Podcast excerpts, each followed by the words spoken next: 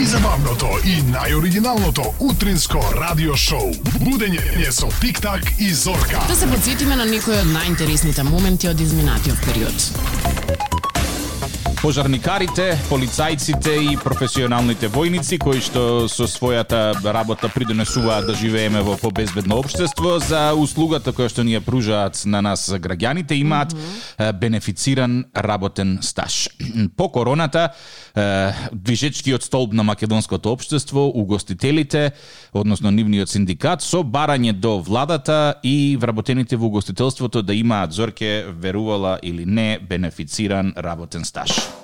Молам? Да. Бенефициран да работел стаж за сите вработени келнери, кувари, сите вработени во угостителство. Зошто? Затоа што во ова е, ново нормално, морам да го користам тоа е официјален термин сега, ново нормално, е, тие се изложени на е, разноразни опасности поврзани со нивната работа, потенцијална зараза е, и така натаму и така натаму и бараат да добијат бенефициран Извини, работен стаж. се борат против криминалот? Не. А, бркаат, а, не знам, разни бараби, криминалци и така натаму? Не. Гасат пожари? Не. Спасуваат животи во болница? Па не во болница, ама ако си многу гладен и предумирање, ќе ти го спаси животот. Не, ќе си го спаси својот ако ти донесе храна. Добро, да, да, и, та, и тој јагол ми се допаѓа. А, добро, е тогаш кажи ми зошто ви добиле бенефициран? Па не знам, од исти причини од кои што бараат субвенции од владата за да им ги купи и оние средства за дезинфекција кои што мора да ги да ги имаат. Еве го значи, Синдикатот за угостителство и туризам при Конфедерација на слободни синдикати бара да се реши статусот на угостителските работници да бидат пријавени на полно работно време и да им бидат платени преку време на работа и работа за време на празник согласно за законот за работни односи. Добро, тоа до тука е во ред. Бараме да се изнајде начин сите работници од нашите сектори да добијат сигурност. Вината што голем дел се непријавени и не можем и не може да се ги остварат правата не е само наша, туку и ваша во однос на работодавците. И синдикатот бара и задолжителна исплата на К15, бенефициран стаж и платен годишен одмор од минимум 20 дена. Дечко, што пиеше пред да дојдеш? Не знам. Значи- Вели, не отвараме војна против никого, само сакаме да имаме слух и за нас да се превземе конкретно решавање за нашите барања. Браво. Не, во Ја, Зорке, Јас се, се, се сложувам дека треба да се реши моментот дека не треба да се а, не знам да, да се оставаат непријавени да работат. Се сложувам дека треба да им се реши моментот со К15 затоа што и тие си го заработуваат честно лебот на исти начин на кој што го заработуваат некој од фотелја да речем и добиваат К15. Се сложувам дека работата не им е лесна, меѓутоа под е, под тоа нели се се подразбира дека и самите дневници, а и самите е, како работни позиции се поплатени во однос на другите, да речеме некој денес кој што работи како професионален шанкер или келнер зема па пристојна плата. Ајде не е пристојна ќе речат повеќето од е, нив ќе речат тоа е малку за она што го правиме. Се сложувам. Сум работела во младоста е, некој период како келнерка и шанкерка и ќе ти кажам дека не е лесно, особено затоа што секаков Значи, народ бата ти тој синдикат? Меѓутоа, Нашите права кај се. бенефициран стаж. Нашите права кај се. Ка- наши? па ние како новинари, ние, ние заслужуваме бенефициран работен стаж. Па Па, ние сме изложени на глупости на новинарот- пресконференции секој Да. ден кои што влијаат лошо на моето ментално значи, здравје. новинарот работи 24/7. Секогаш кога е криза или било каква состојба, новинарите се први кои што одат на местото за да Така можат е. да известат за Така е. граѓанинот да биде свесен што се случува. Во воена состојба, во, во ситуација на војна, таму сме барабар со е, оние кои што се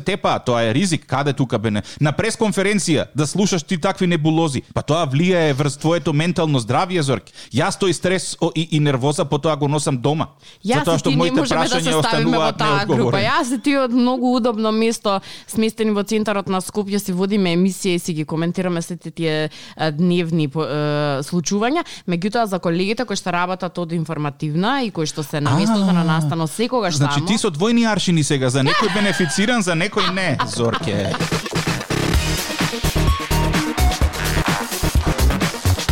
Спремна ли си? Па се надавам, треба да глумам дека сум од студентски прашања и треба да ја бараме Магдалена. Само у старт да ти кажам, тонот ти е погрешен за студентски прашања. Значи треба да видиш шмигла намќорка. Намќорка. Не, не, не, не, намќор. Кој е? Магдалена. Кај е? Документи. Не, на приватен факултет не се. Вашиот повик нашиот повик. Нашиот повик. Нашиот повик беше Само да ти кажам, колега, да те демантирам. Значи, на државен факултет, да, одвратни се тие од студентски прашања, затоа што име преку глава додено и од вистински, и од погрешни прашања, и од вакви прашања, и од прашања кои што изложено е на таблата како треба да се плати, па доаѓа внатре и вика, извинете, како да ја платам оваа оплатница? Значи, ти си дошол да бидеш академски граѓан, не знаеш оплатница да платиш. Ама Значи, крај. Зорке, тоа А, име работа, студентски прашања. Студентите имаат прашања. Ама ти- јас ако сум седнала да го искуцам тоа 20 пати и да го закачам на табла за да не ме прашуваат дечиња од 19 години кои што мајките и татковците платиле дебели пари да ги стават во Скопје за да учат и па ја да му го објаснувам тоа, да, треба да бидам оштра. Е, то, се вежбав. Гледаш? за разлика од тоа, за разлика од тоа, на приватните факултети, студентските прашања се мет и млеко. Сакате ние да ви оплатиме за вас? Колку сакате да ви оплатим? Да.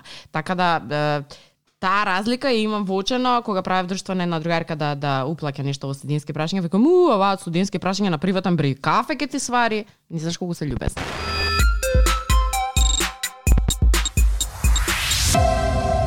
Погодете од кога ќе почне полицискиот час. И три прашања и не знам, кило брашно. Кој ќе погоди? За да си меси нешто викам. За време на карантината, Да, да. да се угоиме уште малку затоа што слабо сме угоени. Слушај, јас таман реков ај за оваа година супер, не мора да трчаме, не мора ништо да правиме, пошто нели летото требаше да биде откажано. Ама нема да биде. Ама нема да биде откажано и сега оп што правиме со овие 10 кг плюс? Перничиња, да не потонеме во Охридско. Може. Шлак, шлак. Може. И нема ти го тргна тоа парапетчето дивоградба сега, така да можеш директно од... Знаеш како кога се спуштам од трпеица, сам мисли, кога се спуштам по таа уличката. Фш, Право вензеро. О, е, Само имам проблем со е, змиите, ама оваа година тие ќе имаат проблем со мене. И змии, бубашваби, еден куп такви... Зборувам за водни А, змии. добро. За бошвабите тоа е приказна сама по себе, која што не сакам да ја почнувам. Е, од која кажа на телевизија дека има наезда на бошваби, мислам дека нема собава која што не поминав со джогер, право смукалка, средство за за шприцење. И после другарка една ми кажа, ма тие доаѓаат на чисто. Да. Е, викам многу Е, касно. Зорке, одма сега пушти децата да направат неред дома. деца ќе ги земам две кучиња од улица, ајде. Средете- нешто, средете Туку, работа. на тема трчање, град Скопје ќе отстрани 240 билборди поставени на јавни површини низ градот. Ау, им рикна Односно- бизнисот со билборди на агенцииве изгледа. Па изгледа инфлуенсерите им се поисплатли. Па, нема, сериозно, билборд да скапа играчка. Негде околу 350 евра чини закуп, плюс негде околу 250 евра печатање, то ти е трошок околу 500 евра по билборд. Ту за 500 евра ќе изнамам стан Та, во центарот на Скопје и ќе викам од тераса. Купете го мојот производ, А колку инфлуенсери можеш да платиш со, со 500 евра? 505 въпрос. Е, така. На времето беше Video Killed the Radio Star, сега инфлуенсерот го уби билбордот. Ама одличен, одлична пиар кампања на град Скопје, као ние ќе ќе тргнеме 240. Кажи фирмите што ги рентаа билбордите пропаднаа, не може да платат концесија за истите, па ќе ги тргнеме. Не е за доброто на граѓаните, ама добро. Секоја чест за креативецот у град Скопје. Значи има околу 800 билборди само во град Скопје, како што кажаше Лигов покрај овие, на голем број локации има и нелегални билборди кои исто така ќе се отстрануваат во наредниот период. Тоа баш така. Вели не можеме сите да ги отстраниме, ти фирмите имаат 15 годишни договори со градот склучени од предходно раководство, ама ние во наредниот период на десетина локации ќе поставиме дигитални билборди, фала Богу 21 век. А не оние што се кои, лепат. Да, ќе можат да се вртат повеќе реклами. Значи дигитална работа, тоа е исто како ние рамките за слики. Ставаш 10 слики, наместо да се мислам која да ја урамам, која да ставам, ставаш 10 слики со USB и тие 10 слики си се вртат и ти цело време имаш различен украс. Леле, за продажба се Е, само. за да, за да некој го направи тој дигитален билборд, треба да биде програмер. Да, бре, баш во Македонија го измислија тоа. Не е битно каде, битно е програмер. Јас не велам дека не треба да се сега па ме фаќаш за програмери. Значи јас не велам дека не треба да земаат тие висока плата во ред. Ама зошто сите? Па е. И што толку се измислува топла вода со програмерството? Тоа е нешто што ние не го разбираме, дај ние да си се држиме до нашето и да ги оставиме програмерите да програмираат и волкот сити и овците на И сега број. гледаш хакнати сите профили.